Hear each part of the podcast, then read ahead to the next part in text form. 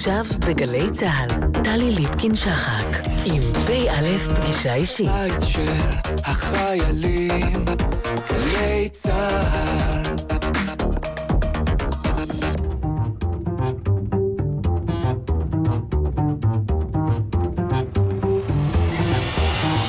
כמה דברים שאתם צריכים לדעת על הדוקטור מיכל קרמר אסף. היא נולדה בשנת 1973 בשכונת שפירא בתל אביב לזוג הורים שעלו ממרוקו ויוון. כשהייתה נערה בחרה להתחנך בקיבוץ גן שמואל כילדת חוץ. כשסיימה תיכון יצאה קרמר אסף לשנת שירות, אותה עשתה כקומונרית בתנועת השומר הצעיר.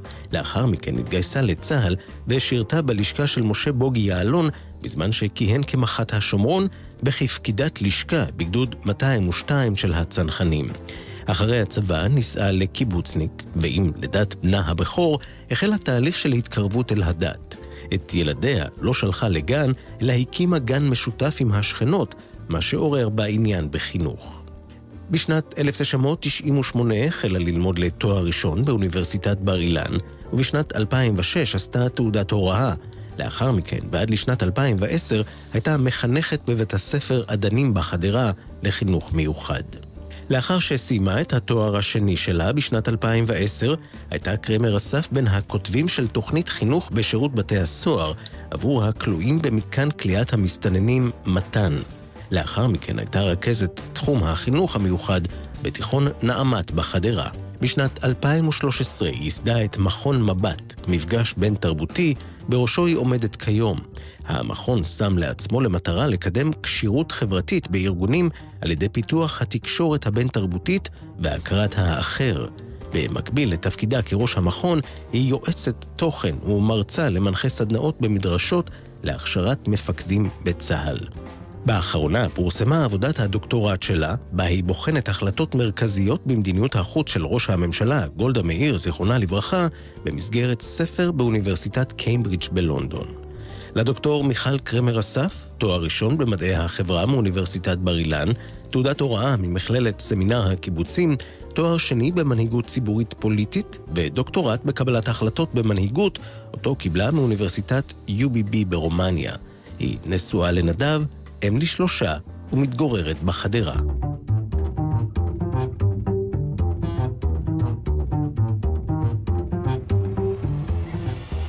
פגישה אישית, דוקטור מיכל קרימר אסף, מנהלת מכון מבט, שלום לך. שלום, ערב טוב, שבוע טוב. אנחנו צריכות להתחיל אה, בהבהרה מהו מכון מבט, מפגש בין תרבותי. מה זה אומר?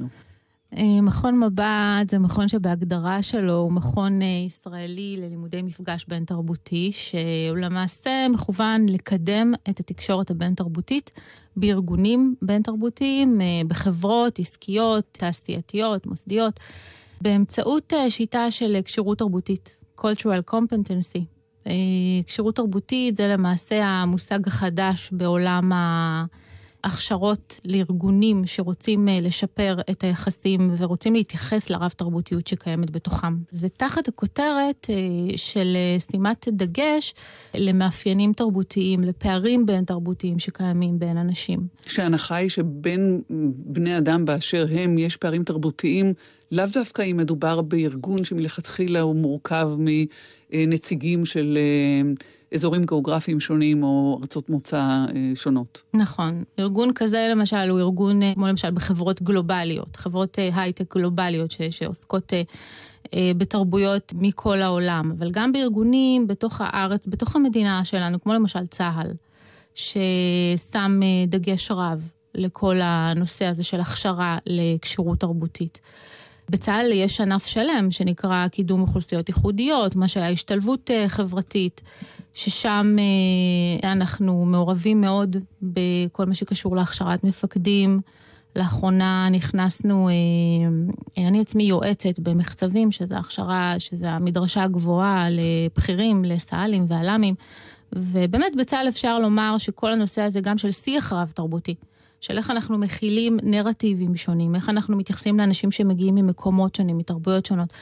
גם ברמה התפיסתית וגם ברמה של כלים ומיומנויות, שזה בעצם החידוש שאנחנו מביאים. עוד אה, בכדי להבהיר, אה, בכדי להבהיר מונחים, אוכלוסיות ייחודיות אז אנחנו נוטים לחשוב שמדובר באנשים עם מוגבלויות שונות. Mm-hmm. ואת אומרת דבר אחר.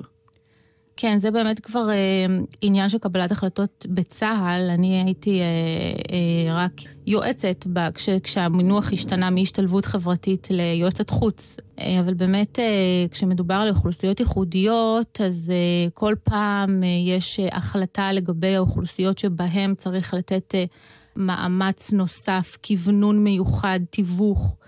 אה, בתוכניות, בכלים, בהכשרת מפקדים. אה, אני יודעת שנכון לעכשיו, אוכלוסיות ייחודיות בצה"ל כוללות ישראלים אה, יוצאי אתיופיה, עולים ותיקים, עולים חדשים מצרפת, בני מיעוטים, גם חיילי איתן, פרויקטים כמו למשל של נתיב, גיור. אבל באמת כל הזמן יש דיון להחליט מי אלה האוכלוסיות הייחודיות שזקוקות, שצריכות, שצה"ל רוצה להשקיע, להשקיע בהן, מאמץ נוסף בהכשרת מפקדים וגם גם לחיילים עצמם. זאת אומרת, יש כאן גם את הרמה של המפקדים וגם את הרמה של האוכלוסיות עצמן. זה אומר קורסים מיוחדים. למשל, לישראלים יוצאי אתיופיה זה היה קורס שנקרא אמיר, שזה חיבור למורשת, לתרבות האתיופית. אה, לאחר איזשהו, איזושהי התרחקות ממנה, שנה שעברה הוחלט לסגור את הקורס הזה. כל הזמן צה"ל ככה באיזשהו ניסוי וטעייה מה נכון. האם זה אומר שהמטרה של המיומנות הזאת היא להכיר את האחר, או לעזור לאחר אה, להיטמע בכלל? כשאנחנו מדברים על כשירות תרבותית, החידוש במושג הזה, בגישה הזאת, הוא השילוב של הגם וגם. אומרת, אם בעבר היינו בתפיסה רב-תרבותית, שזה אומר פלורליזם, קבלה של ריבוי תרבויות, ריבוי ערכים, אפשר להגיד ריבוי נרטיבים אם אנחנו יורדים לרזולוציות יותר אה, נמוכות. אה, בכשירות תרבותית אנחנו מדברים גם על תפיסה רב-תרבותית, גם גם על גישה ל, ל, לשוני. אה, גם על ידע פרטיקולרי, שזה אומר אה, ידע על תרבויות שונות, כמו קודם כל האלף בית אה, חגים, נורמות, שפה. בואו נכיר אלה את אלה. נכון, וגם כלים ומיומנויות לקבלת החלטות חוצה תרבויות, שזה באמת החידוש שאנחנו מביאים איתנו, מכון מבט. כלים ומיומנויות למנהלים, למפקדים, שהוא באופן, באופן שהוא חוצה תרבויות. תני לי דוגמאות. קודם כל, חשוב לומר שכל השיטה שאנחנו מפתחים, שפיתחנו ושאנחנו ממשיכים לפתח, היא אה, בחסות הגישה הנרטיבית. זאת הגישה שאני באופן אישית מאוד מחוברת אליה. משמעה? מבית מדרשו של ויקטור פרנקל, אה, הספר הקטן גדול, האדם אה, מחפש משמעות, שוויקטור פרנקל כתב. שהיא משמעה למעשה אה, שהמפגש בין בני האדם ובין תרבויות שונות הוא בעצם מפגש בין נרטיבים שונים.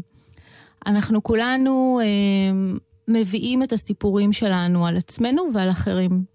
ככל שאנחנו אה, נכיר, נדע, קודם כל, נדע להכיל, להקשיב קודם לנרטיבים שונים משלנו וניתן להם מקום, יהיה לנו באמת אה, סיכוי אה, לשתף פעולה אחר כך. וברמה הכי פרקטית, אה, שיתוף פעולה הוא זה שמביא לכידות, ללויאליות כלפי ארגון, וגם להישגים, גם לפריון והישגים תכלס אה, לארגון.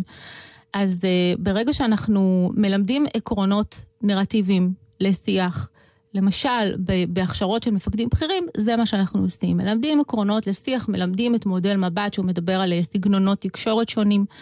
אה, שהוא מדבר על, אה, על איך להגיע למה שאנחנו קוראים שיח הדדי, שהוא שיח שהוא גם מתוך כבוד לנרטיב אחר.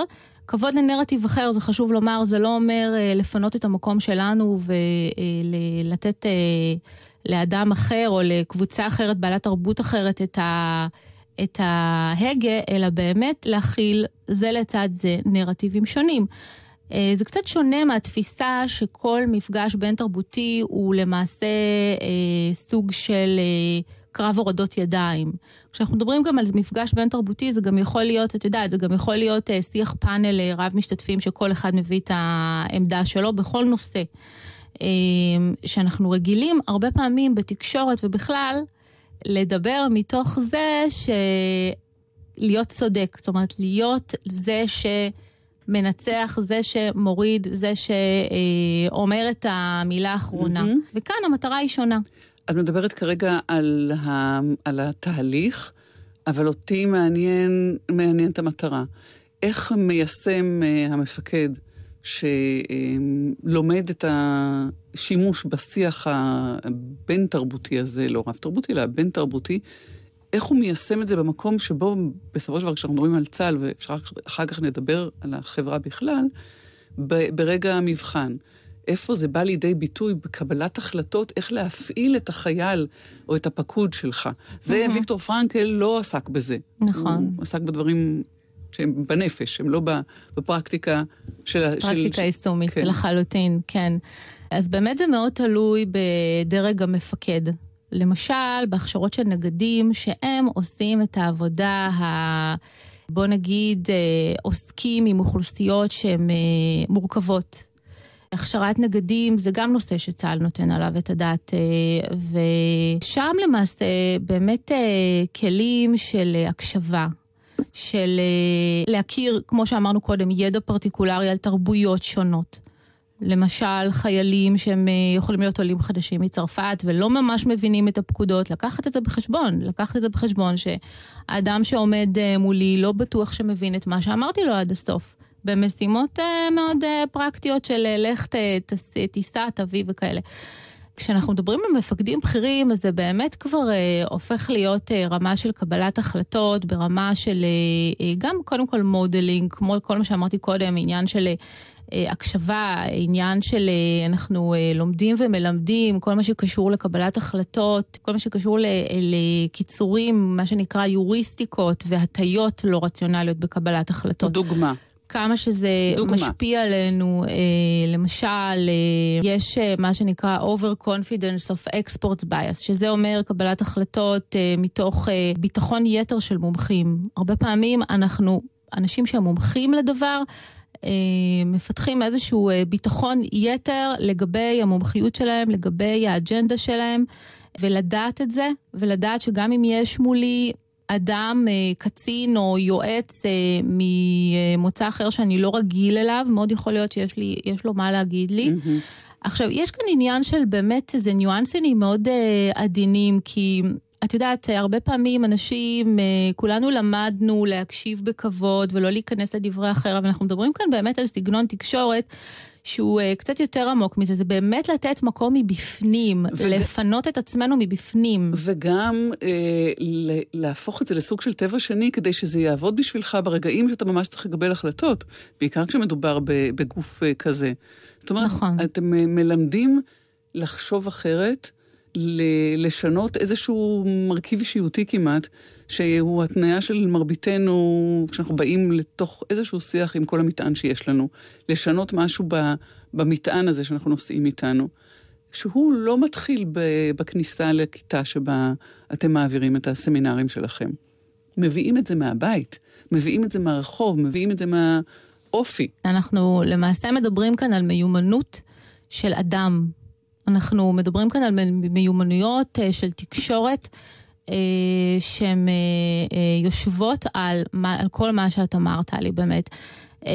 וברגע שאנחנו לומדים ומתרגלים את הכלים, היישומיים שאנחנו כל הזמן מפתחים, אנחנו למעשה אה, מפתחים את עצמנו. זה סוג של אה, עבודה עצמית שאנחנו לוקחים אותה גם לכל מקום, אנחנו מביאים אותה קודם, אנחנו גם לוקחים אותה איתנו לבית, אה, לתקשורת, מה זה תקשורת בין תרבותית? זה גם בין מגדרית, גם בין דורית. Mm-hmm. הרבה פעמים בהכשרות אנשים מאוד מתחברים דווקא דרך ה...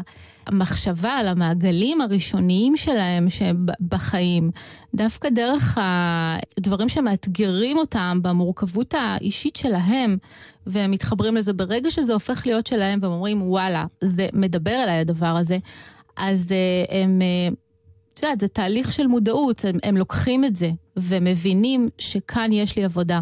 עד כמה נכון מצידי לחשוב שהצבא הוא מערכת בפני עצמה עם צרכים והתנהגויות משלה, או שבסופו של דבר אדם הוא אדם הוא אדם, והמודל שלכם אה, ישים על ארגון אה, של הייטק, או ארגון אה, כלכלי או מסחרי אחר, ו... או ארגון התנדבות, והצבא. לחלוטין המודל, השיטה, השיטה באמת מצליחה מאוד אה, בהכשרת מפקדים ומתקבלת אה, בדרגים השונים, במרכזי הכשרה השונים. אבל יש לנו כבר בשנתיים האחרונות, אנחנו מעורבים בתהליכים אה, גם בחברה העסקית. היינו בהכשרה, שותפים בהכשרה לכשירות תרבותית, זה נושא, כל הנושא של ניהול השונות. נושא שהוא חם בארגונים שהם מודעים לעצמם. יש אה, מנהלות משאבי אנוש שממש עוסקות רק בזה, שהן על זה. אה, ואנחנו אה, מוצאים את עצמנו שותפים יותר ויותר לתהליכים, היינו רוצים להיות יותר בתוך העולם הזה של החברות העסקיות, זאת אומרת, גם בקרב חברות קטנות ובינוניות שהמודעות תגדל ומנהלים יבינו שצריך לשים את הדבר הזה על השולחן. יכולה לתת לך דוגמה מהעולם, ה... מהעולם של הדילמות, מהעולם העסקי, מה שנקרא. אה, למשל, אה, במעבדה של אה, חברה תעשייתית באזור השרון, לאחרונה הוחלט בעקבות פניות חוזרות ונשנות למנהלת המעבדה, שמפריע לה, לה לחלק מהאנשים שמדברים רוסית במעבדה. אחרי דין ודברים המנהלת קיבלה החלטה, אפרופו קבלת החלטות, שבמעבדה שלה לא מדברים רוסית. אז כמובן שהיא כמו אה, סגרה את הבעיה, סגרה את הפינה הזאת, אבל אה, מה שקרה זה שנוצרה אה, קבוצה שלמה של אנשים מתוסכלים, כי מבחינתם סותמים להם את הפה. עכשיו, לבוא ולטפל בדבר כזה, לקדם את התקשורת הבין-תרבותית, כמו שאנחנו אומרים, בתוך, בתוך עניין כזה, נדרשת גם עדינות וגם אה, ככה להבין את כולם, כי באמת אפשר להבין את כולם.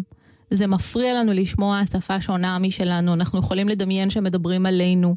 למה יש להם את החוש הומור שלהם? מה, מה הם כאן בישראל? יש כל מיני אמירות שיכולות להיות.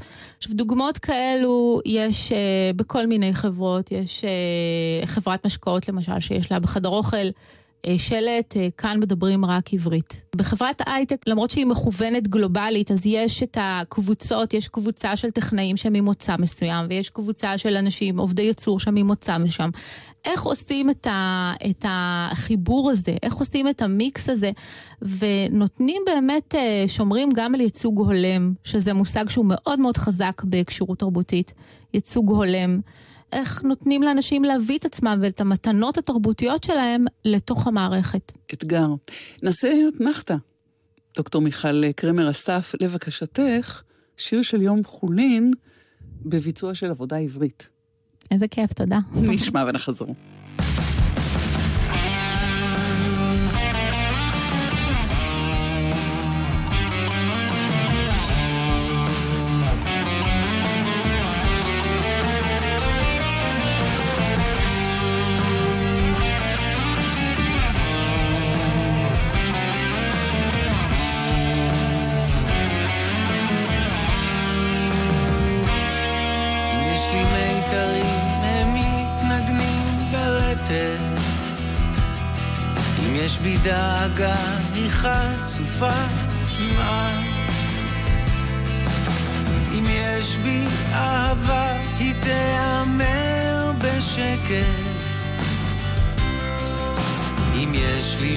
שורשים, הם מתארחים לאט.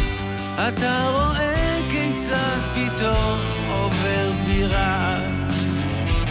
הרוח משנה תכופות את כיוונה. ניסינו לעזור, אבל אני יודעת. אנחנו נשארים שנה אחר בחדרים שלך השמש מסרטטת. קווים ורצועות של אור על הכתלים. אני למענך כל בוקר מלקטת. פרטים קטנים, צמחות קטנות של יום חולין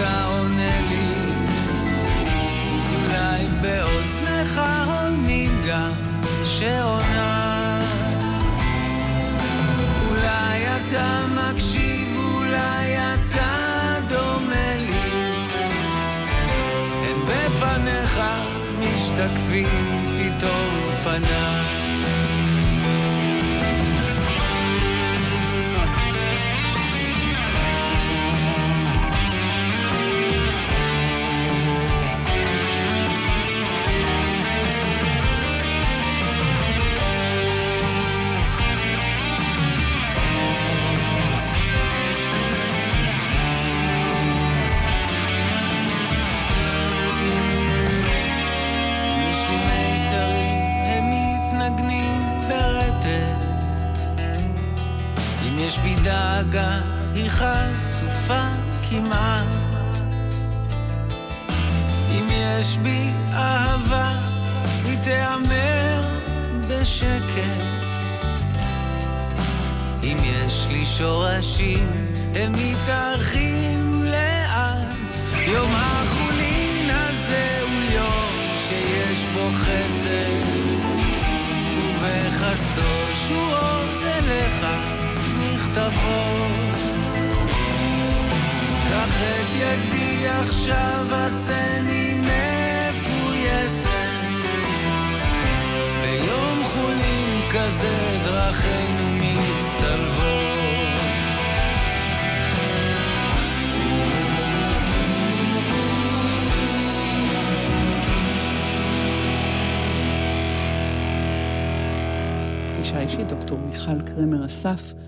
מנהלת אה, מכון אה, מבט, מפגש בין תרבותי. בואי נדבר רגע עלייך. Hmm. יושבת מולי אה, אישה בלבוש דתי מסורתי, דתי-דתי. את עם שביס. כובע, זה נקרא כובע. אוקיי. בכיסוי ראש. כיסוי ראש, כן. ואת בדרך עברת בקיבוץ גן שמואל. אין נכון. פחות דתי מזה, של השומר הצעיר. תני לי מפת דרכים, בבקשה. נולדתי בדרום תל אביב, בשכונת שפירא, בבית שאבא שלי נולד בו, משפחה שעלתה מיוון בשנות ה-30. וכשהייתי נערה היה פרויקט של אה, קיבוצים מהשומר הצעיר, שקלטו קבוצות של ילדי חוץ מכל מיני שכונות בארץ. וכמו נתנו להם הזדמנות להכיר חיים חדשים, חיים אחרים בתוך קיבוץ, עם הזדמנות אה, כמובן לפסיליטיז שקיבוץ יכול לאפשר. אה, ההורים שלי מאוד שכנעו אותי. הייתי אז אה, ילדה נערה, היה קשה לקבל החלטה. לעזוב את הבית. ולעזוב את הבית, לעזוב את השכונה, ואמרתי לעצמי שאני עושה ניסיון. אין לי מושג מאיפה היו לי כוחות, ו... אני יכולה לומר שברגע שכף רגלי אה, דרכה בקיבוץ גן שמואל, אני פשוט הוקסמתי. עיניי ככה כמו בסרטים של וולט דיסני, נפקחו לי רווחה, נפערו ואמרתי, וואו, מה זה המקום המדהים הזה. זה היה המוסד החינוכי בגן שמואל. לצערי אה, הוא לא קיים באותו, אה, באותה מתכונת, אבל הוא קיים. אה, המוסד החינוכי בגן שמואל זה משהו שאני לוקחת איתי, זאת מתנה שאני מנסה לשחזר בכל מיני פינות בחיים שלי.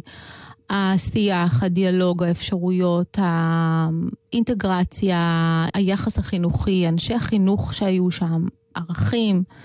אני הגעתי מבית מסורתי, מאוד מאוד מחוברת למסורת היהודית, כמו מרבית, אני חושבת, אה, העולים ממרוקו, אימא שלי עלתה ממרוקו, וזה לא משהו שהפריע לי לאמונה שלי, לאמונה שלי בבורא, ממש לא.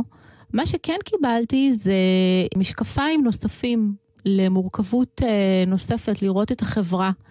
אה, הייתי שותפה, הייתי בשומר הצעיר, הייתה תנועת נוער, שומר הצעיר, אז הייתי בשומר הצעיר, הייתי מדריכה בשומר הצעיר. הם היו מאוד uh, טוטאליים, לא כך בשנים האלה, בשנים קודמות, עם מעט מאוד מקום לבין תרבותיות או רב תרבותיות, הם יותר היו מיסיונרים.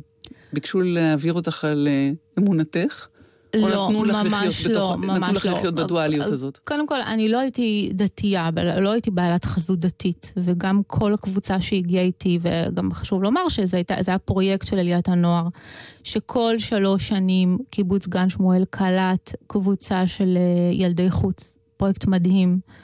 וכולם הגיעו מה, ככה מהמורכבות שלהם, עם הסיפורים שלה, עם המורכבות של מקומות שהם הגיעו מהם, זה היה מפת וקטמון ומעלה אדומים ויפו ומצפה רמון, כל אחד ככה עם התחושות והסיפורים שהוא מביא איתו. ולא הייתה אמירה, ו... בואו תראו אצלנו ככה חיים, מה יותר טוב, מה יותר נכון, או בואו תראו עוד משהו? זה היה יותר... אני לפחות קיבלתי את זה ככה. בואו תראו אה, עוד משהו שאני המשכתי לעצמי, אה, שעובד נהדר, שנראה נהדר, שמרגיש נהדר. המשפט הזה, כל אחד נותן לפי יכולתו ומקבל לפי צרכיו, זה וואו. Mm-hmm. תחשבי על זה, אני מבחינתי, מחברים את זה רק לאמונה בבורא עולם, וזה בכלל אה, נשמע לי מושלם, זה ימות המשיח, זה, זה ממש אה, מדהים. אני חושבת שהשיח שהיה בנושאים בוערים שהיו בחברה, זה אז שנות התשעים שהייתי בי"ב, והיו, היה גל פיגועים, והיו דברים לא פשוטים שעלו, והיו שם אנשים שהגיעו, בני נוער כמוני, ממעלה אדומים, ואמרו דברים נוקבים, הם חוו את זה, הם לא ישבו בגן שמואל ועשו מפגשים אה, עם אה, חבר'ה מהמשולש אה, בנושא סובלנות והדדיות. הם היו שם במעלה אדומים עם ההורים שלהם, ו... והיה להם הרבה מה להגיד, והדוגמה, המודלינג שאני קיבלתי מאנשי החינוך בגן שמואל, אני חושבת שזה דברים שאי אפשר להעביר, אולי זה הדבר שאני מנסה היום במכון מבט לפרוט ולהעביר על ההכלה של נרטיבים שונים. לא היו שם דמויות דתיות. זאת אומרת, היו יותר, אפשר היה למצוא אה, אנשים, בעלי תפקידים, אה, בני מיעוטים, אבל לא היו שם דמויות דתיות. אה, זה לא ממש, אה, זה לא הפריע לי, כי הייתי ככה, זה מאוד אה, מושרש בי, העניין של אמונה. את uh, תוך כדי זה היית קומונרית בשנת שירות, אחר כך גם פקידת לשכה של מח"ט שומרון, את הלכת לצבא, לא הייתה שאלה בכלל שאת הולכת לצבא, נכון? נכון, נכון. Uh, הקשר עם הבית היה תקין ומלא ושלם גם כשגרת בקיבוץ, מן כן, הסתם. כן, כמובן.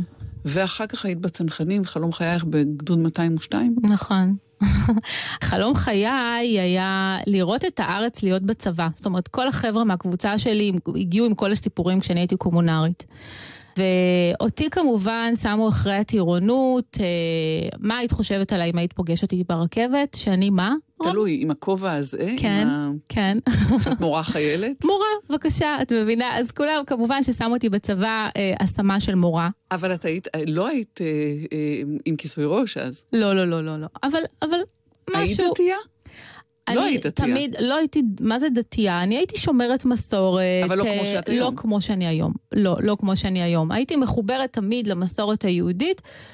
האמת שככה אני גם מגדירה את עצמי היום, אני יהודייה, מאמינה, את יודעת, יש, אפשר לדבר על זה שיח שלם, אבל אז שמו אותי מורה חיילת. ולי היה ברור שאני לא הולכת להיות מורה חיילת. הייתי קומונרית, הייתי מדריכה, היה לי ברור שאני גם אתחבר לעולם החינוך. זה משהו שהוא בא לי... ומה שרציתי זה להיות בשטח. זאת, זאת, זאת המילה שהייתה לי בתור חיילת, להיות בשטח. אז לא היו כל מיני קרקלים וכאלה, וזה מה שהיה לי בראש. ועשיתי פסילת מקצוע, זה היה כזה מאוד דרמטי, פסילת מקצוע של מורה, וכשהגעתי לשליש, אז הוא אמר לי, מה את רוצה? אמרתי, אני רוצה להיות בשטח. הוא אמר לי, טוב, בואי תשלח אותך לפקידה, בש... תהיי פקידת לשכה שבשומרון, ואחר כך תראי משם לאן תזרמי, ובאמת בסוף הגעתי ל-202. וזכיתי להכיר את ארץ ישראל בצורה מדהימה. זה חוויות שאני לוקחת איתי ואני אה, עדיין מרגישה אותן, את יודעת, זה מהסיפורים שאת מרגישה איתם כל החיים, חברון ושכם ורמת הגולן. את uh, מתחתנת אחר כך עם קיבוצניק. נכון. ואחרי לידת הילד הראשון את חוזרת או מעמיקה אחיזה בדת. למעשה, ברגע שהקמתי בית, רציתי את הריח של הבית היהודי שאני מכירה, בעיקר מסבתא שלי, שהיא אישה מאוד דתייה, והייתי אצלה המון בילדות, הריח הזה של שבת. נגיד שאני אומרת הבית היהודי, אז אני מדברת על הריח של שבת, הריח של הפלטה, של הכל מוכן, של המוזיקה החרישית שככה מתנגנת, זה היה לי חסר, וזה מה שרציתי. ו, ו, ולשם הלכתי. ואז הלכת ללמוד אה, הוראה. קיבלת כן. תעודת הוראה ועשית הסבה לחינוך מיוחד. אז בואי נדבר על חינוך מיוחד. זה למעשה תפיסה או ראייה שהיא אה, תפיסת האדם כישות, אה, כישות אה, הוליסטית, גם דידקטי, גם התנהגותי, גם רגשי. ובניית מערך. זאת אומרת, כל התפיסה היא באמת לתמוך מכל הכיוונים מתוך ראיית האדם. שזה מה שאני למדתי את זה, עבדתי במסגרת ייחודית לבני נוער עם הפרעות רגשיות והפרעות התנהגותיות, ולמעשה מה שהכי הכי קרה לי זה להעביר את הגישה הזאת ואת הכלים האלה למסגרות שהן אה, לא נקראות חינוך מיוחד. למשל, מסגרות שיש בהן ריכוז של נוער בהדרה וסיכון. שיש הרבה כאלה, הרבה פעמים הם נקראים, הם תחת הכותרת של חינוך טכנולוגי או חינוך אה, כל מיני שמות כאלו. Mm-hmm.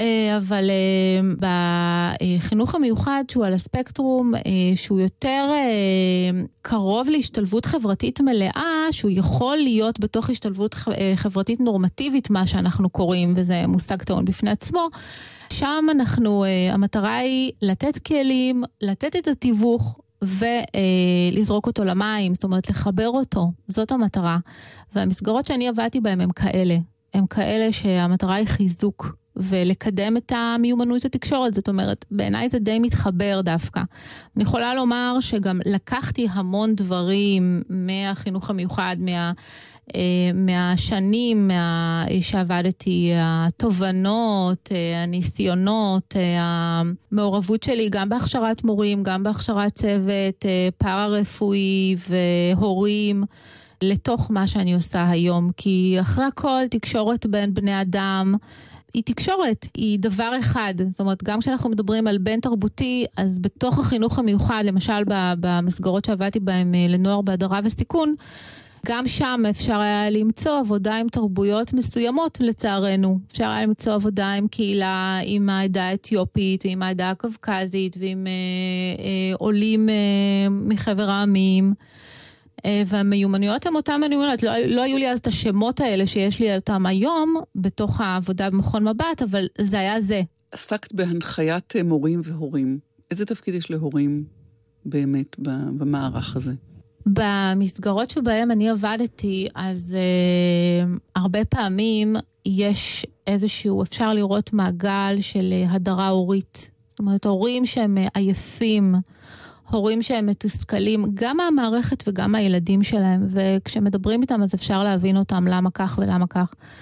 מה שאני מצאתי, ואפשר לראות את זה, זה באמת אה, ברגע שמודעים לחשיבות של התקשורת עם ההורים האלה, גם אם הם לא יודעים עברית כל כך טוב, וגם אם הרבה פעמים שולחים את הבת הבכורה לדבר עם המורה, וגם... אה, זאת אומרת, לשים אותם על המפה, לשים את, ה, את הסמכות שלהם, לשים אותם על המפה, להמשיך להזמין אותם. לתת להם פידבק חיובי על דברים קטנים שהילדים, שבני הנוער עשו, כי באמת רמת המותשות שלהם היא מאוד מאוד גבוהה הרבה פעמים. אני מצאתי שהדברים האלה הם אה, מחוללי פלאים, ובתוך ה... ש... ש... כשאנחנו מדברים על כלים לתקשורת בין תרבותית, בתוך המסגרת הזאת, אז uh, הרבה פעמים הטיפים למורים uh, היו כאלה, ממש אה, להזמין, ללכת הביתה, לתקשר בדברים קטנים, לתת איזה חיזוק חיובי, זה בעיקר. ובאמת המעגל הזה של נוער, מה שאנחנו קוראים נוער בסיכון והדרה, כשאנחנו מסתכלים עליו, הוא לא מעגל שמתחיל מעצמו. זאת אומרת, אה, אפשר לראות את, ה, את השורש שלהם גם בהורים. נעשה אתנחתא, דוקטור מיכל אה, קרמר אסף. לבקשתך, אהוד בנאי שר אל אדון. נפלא, תודה רבה. נשמע ונחזור.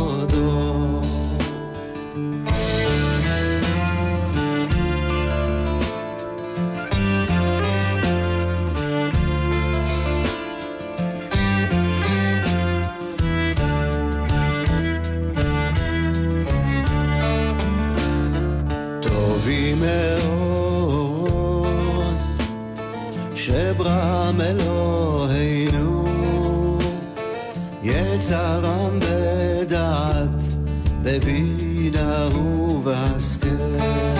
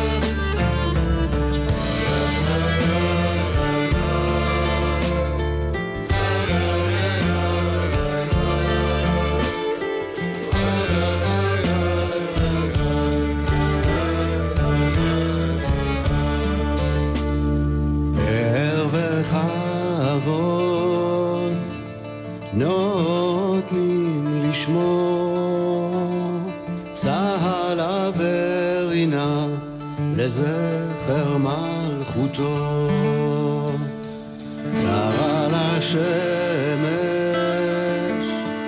ויזרח אור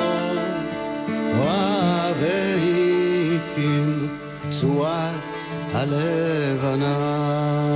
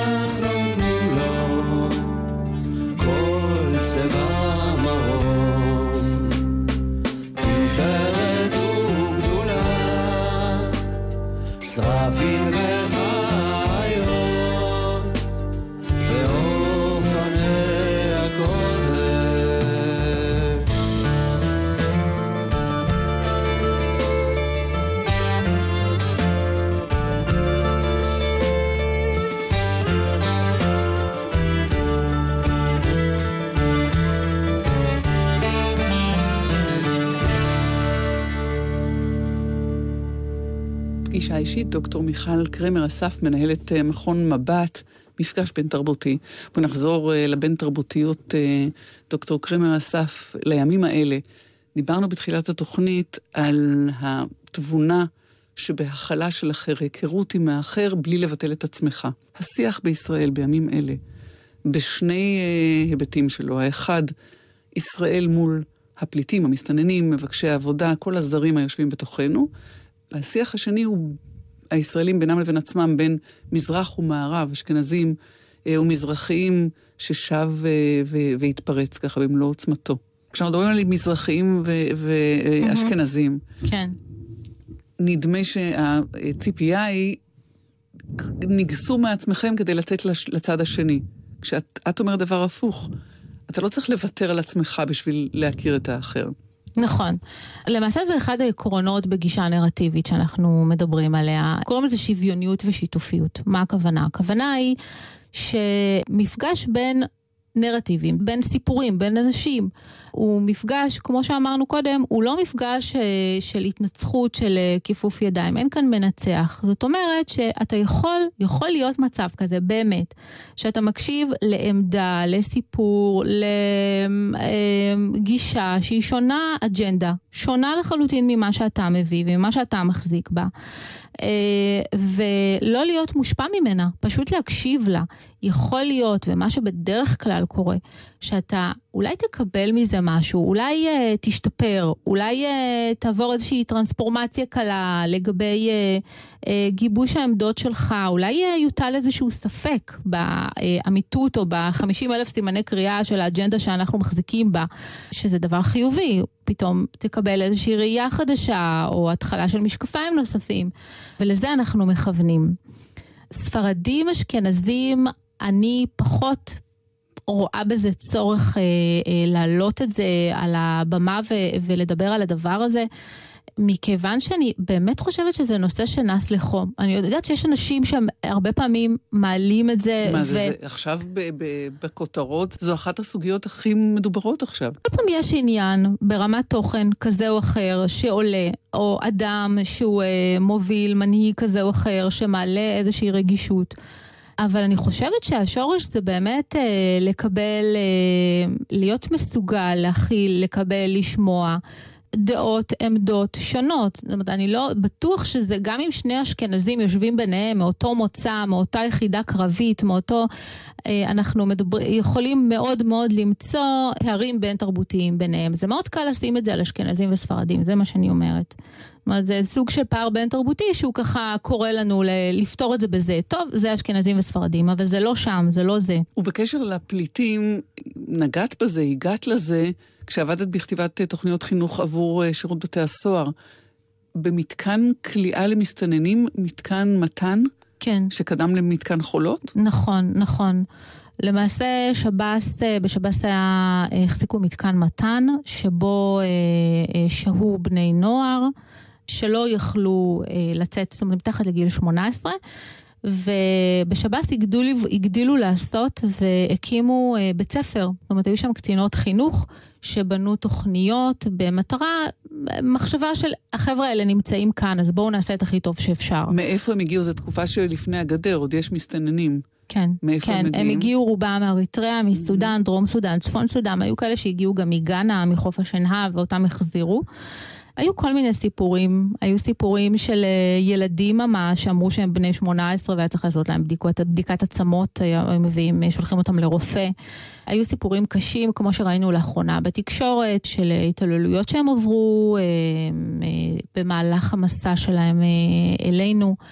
סיפורים. מה הייתה התוכנית שהכנת להם? מה הם היו צריכים ללמוד שם? המחשבה הייתה לפתח, אה, להוביל תוכנית לימודית שהיא הטמעה של אושיות התרבות שלנו, ממש בבסיס.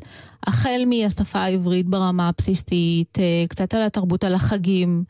מה, מה קורה פה, אה, נורמות תרבותיות, אה, היינו צריכים ללמוד לצורך זה טיגרית כדי לדעת אה, להפוך את הדברים וכדי להתחבר אליהם. למדנו אנחנו את הקודים התרבותיים שלהם. וזה היה מאוד מעניין, זו הייתה חוויה מאוד מאוד מעניינת לראות איך, באופן אישי, לראות איך אני מגיעה למתקן בפעם הראשונה וכולם נראים לי מאוד דומים, אנשים שחורים. ופתאום אה, להבין את ההבדלים ביניהם ולהבין את ההבדלים בין צפון סודאן לדרום סודאן ברמה של השכלה, ברמה של תרבות, ברמה של אה, נורמות.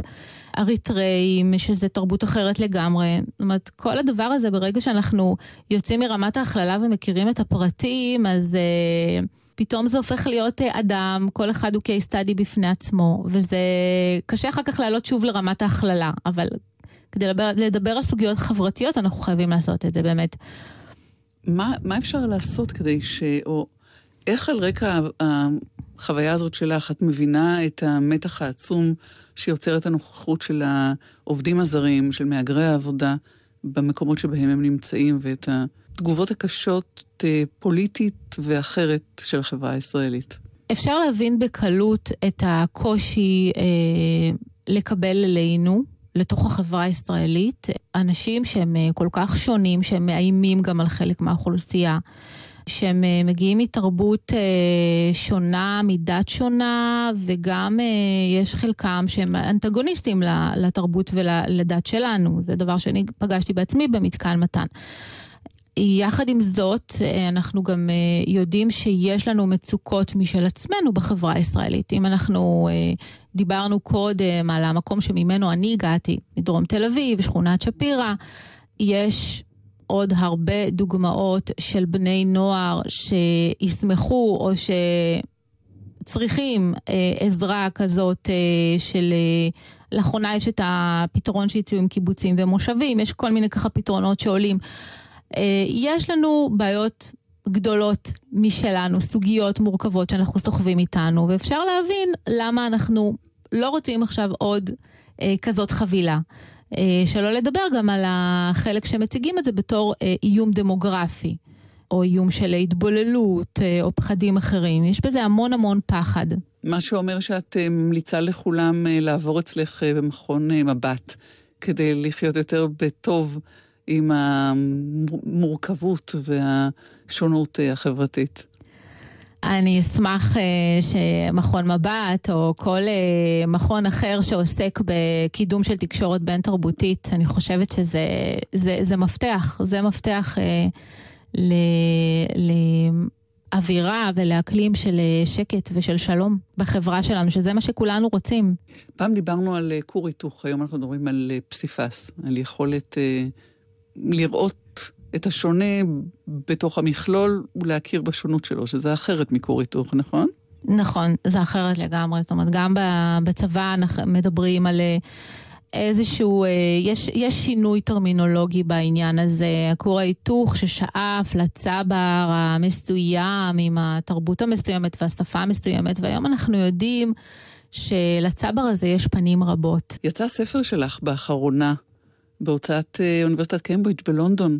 סיבה למסיבה, לחגיגה גדולה, זה הדוקטורט שלך, נכון? נכון, זה הדוקטורט שלי. אז, אז בדקת קבלת החלטות ובאופן אה, כללי, או שמקרה המבחן של אה, גולדה מאיר הוא, הוא המחקר שלך? חיברתי בין אה, פגישות שונות בקבלת החלטות דרך אה, גולדה מאיר, דרך קבלת החלטות של גולדה מאיר.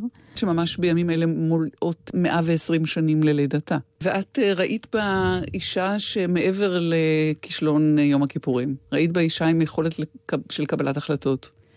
אה, ראיתי בה קודם כל מנהיגה, שתהליך קבלת החלטות שלה עניין אותי. המחקר שלי הוא בעצם מחבר בין גישות שונות של קבלת החלטות, שזה גם uh, רציונלית, גם בירוקרטית, גם uh, הטיות לא רציונליות. תרבותית אני לא שומעת פה. זה הכל תרבות. Okay. זה אוקיי. הכל הכל הכל תרבות. זאת אומרת, גולדה הביאה את עצמה עם התרבות שלה, עם השפה שלה, עם המינוחים שהיא הביאה. אה, עד היום היא השאירה לנו גם סממני תרבות, אה, אה, נעלי גולדה, ולהיות גבר, בן גוריון אמר עליה, הגבר היחיד בממשלה, ויש לנו גם... גם כל מיני סטריאוטיפים לנשים מנהיגות שהן ככה צביון גולדה מאיר, לחלוטין יצרה אב טיפוס תרבותי. ומה שעניין אותי זה חיבור בין גישות שונות של קבלת החלטות לתהליך קבלת החלטות. זאת אומרת, אני לא חקרתי את גולדה, אלא את התהליך של קבלת החלטות שלה. עניין אותי לא רק להתעסק במלחמת יום הכיפורים, אה, בחנתי שלושה אה, מקרי בוחן, אה, שזה בעצם החיבור, זה מה שככה מאוד מצא חן בעיני קמברידג', בעיני ההוצאה לאור קמברידג' הבריטית. אילו מקרים אלו? יוזמה אמריקאית לשלום של 1970, Uh, הקייסדי השני קראתי לו הפרתו של הסטטוס קוו החל מפברואר 73 ועד לפריצת uh, מלחמת יום הכיפורים, השישי לאוקטובר 73, והשלישי עסק בסוגיית הקיטור הארמיה השלישית, uh, החל מאמצע אוקטובר עד להסכם שש הנקודות, שלמעשה היה הנקודה, הציון דרך הראשון לקראת הסכם שלום עם מצרים בעיניי. זה כן סובב סביב מלחמת יום הכיפורים בסופו של דבר. Uh, כמובן שמלחמת יום הכיפורים uh, נמצאת שם ונוכחת, אבל מה שעניין אותי באמת לבחון זה, כשאנחנו מדברים על גישות בקבלת החלטות, זה מעבר למי אשם או המחדל או מה שאנחנו רגילים לחשוב על גולדה מאיר, אלא באמת uh, שאלות של uh, אפיון של קבלת החלטות. למשל מצאתי שתהליך קבלת ההחלטות של גולדה, אפשר לומר שהוא מאוד רציונלי. מה זאת אומרת? תהליך קבלת החלטות רציונלי מתאפיין בשלבים של איתור בעיה, של איתור הפתרון הרצוי, של התייעצויות, אה, של שקילת אלטרנטיבות. אה, כל הדבר הזה היה מאוד מאוד חזק ונוכח בכל case study שבחנתי. זאת אומרת, זה לא מה התפקיד של גולדה במלחמת יום הכיפורים, זה הרבה יותר רחב מזה ועמוק.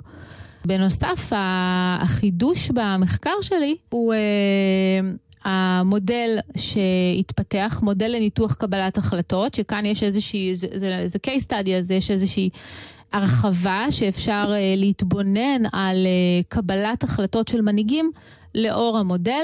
לצורך העניין קראתי לו HCSM, זה Holistic Combined Spiral Model. זהו, ולשמחתי הרבה נבחר אה, לצאת להוצאה לאור בקיימברידג', אה, בהוצאה שמאגדת אליה ובוחרת מתוך אה, מחקרים מכל העולם, באמת שמחה. יפה מאוד. זה לא רק שמחה, זה הללויה. הללויה. אז בהללויה אנחנו ניפרד. את ביקשת את ליאונרד כהן ועם אה, שירו ניפרד. תודה רבה לך, דוקטור מיכל אה, קרמר אסף. תודה רבה, טלי, שבוע טוב. שבוע טוב, ונגיד תודה גם לנחום וולברג שערך איתי והפיק את המשדר הזה, לאופיר ברוך על הביצוע הטכני, וכמובן לכם שהאזנתם לנו. אני טלי ליפקין-שחק, היו שלום.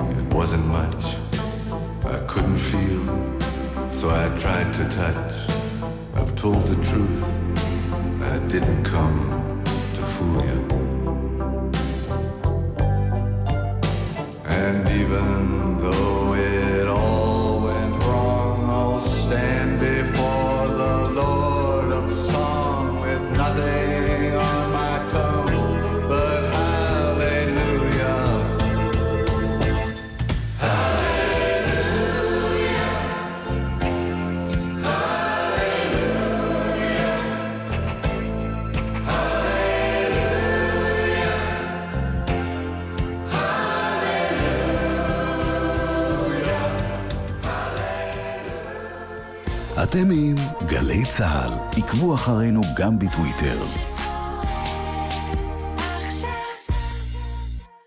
אוף, שוב הקיץ. מה רע? שמש, ים, אבטיח. כן, וגם יותר מקרים של שכחת ילדים ברכב. זה נכון, וזה עלול לקרות גם לנו. ברור, כי בזמן הנהיגה המוח שלנו פועל באופן אוטומטי, וכל שינוי גורם להסחת הדעת. הוסיפי לזה עייפות ולחץ והטלפון הנייד. יש מה לעשות. בקיץ הזה כולנו נלחמים על החיים. לא נעזוב את המכונית לפני שנוודא שלא שכחנו את היקר לנו מכל. לכללי בטיחות ולמידע למניעת שכחת ילדים ברכב, היכנסו לאתר הרלב"ד, הרשות הלאומית לבטיחות בדרכים.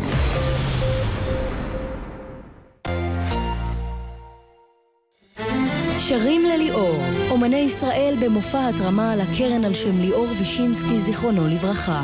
משתתפים מיקי קם, רבקה זוהר, ניקי גולדשטיין, שולי רנד, ישי לוי, להקת הג'אז של חיל החינוך והנוער, להקת רבע לאפריקה ואור. מנחה לוסי אהריש.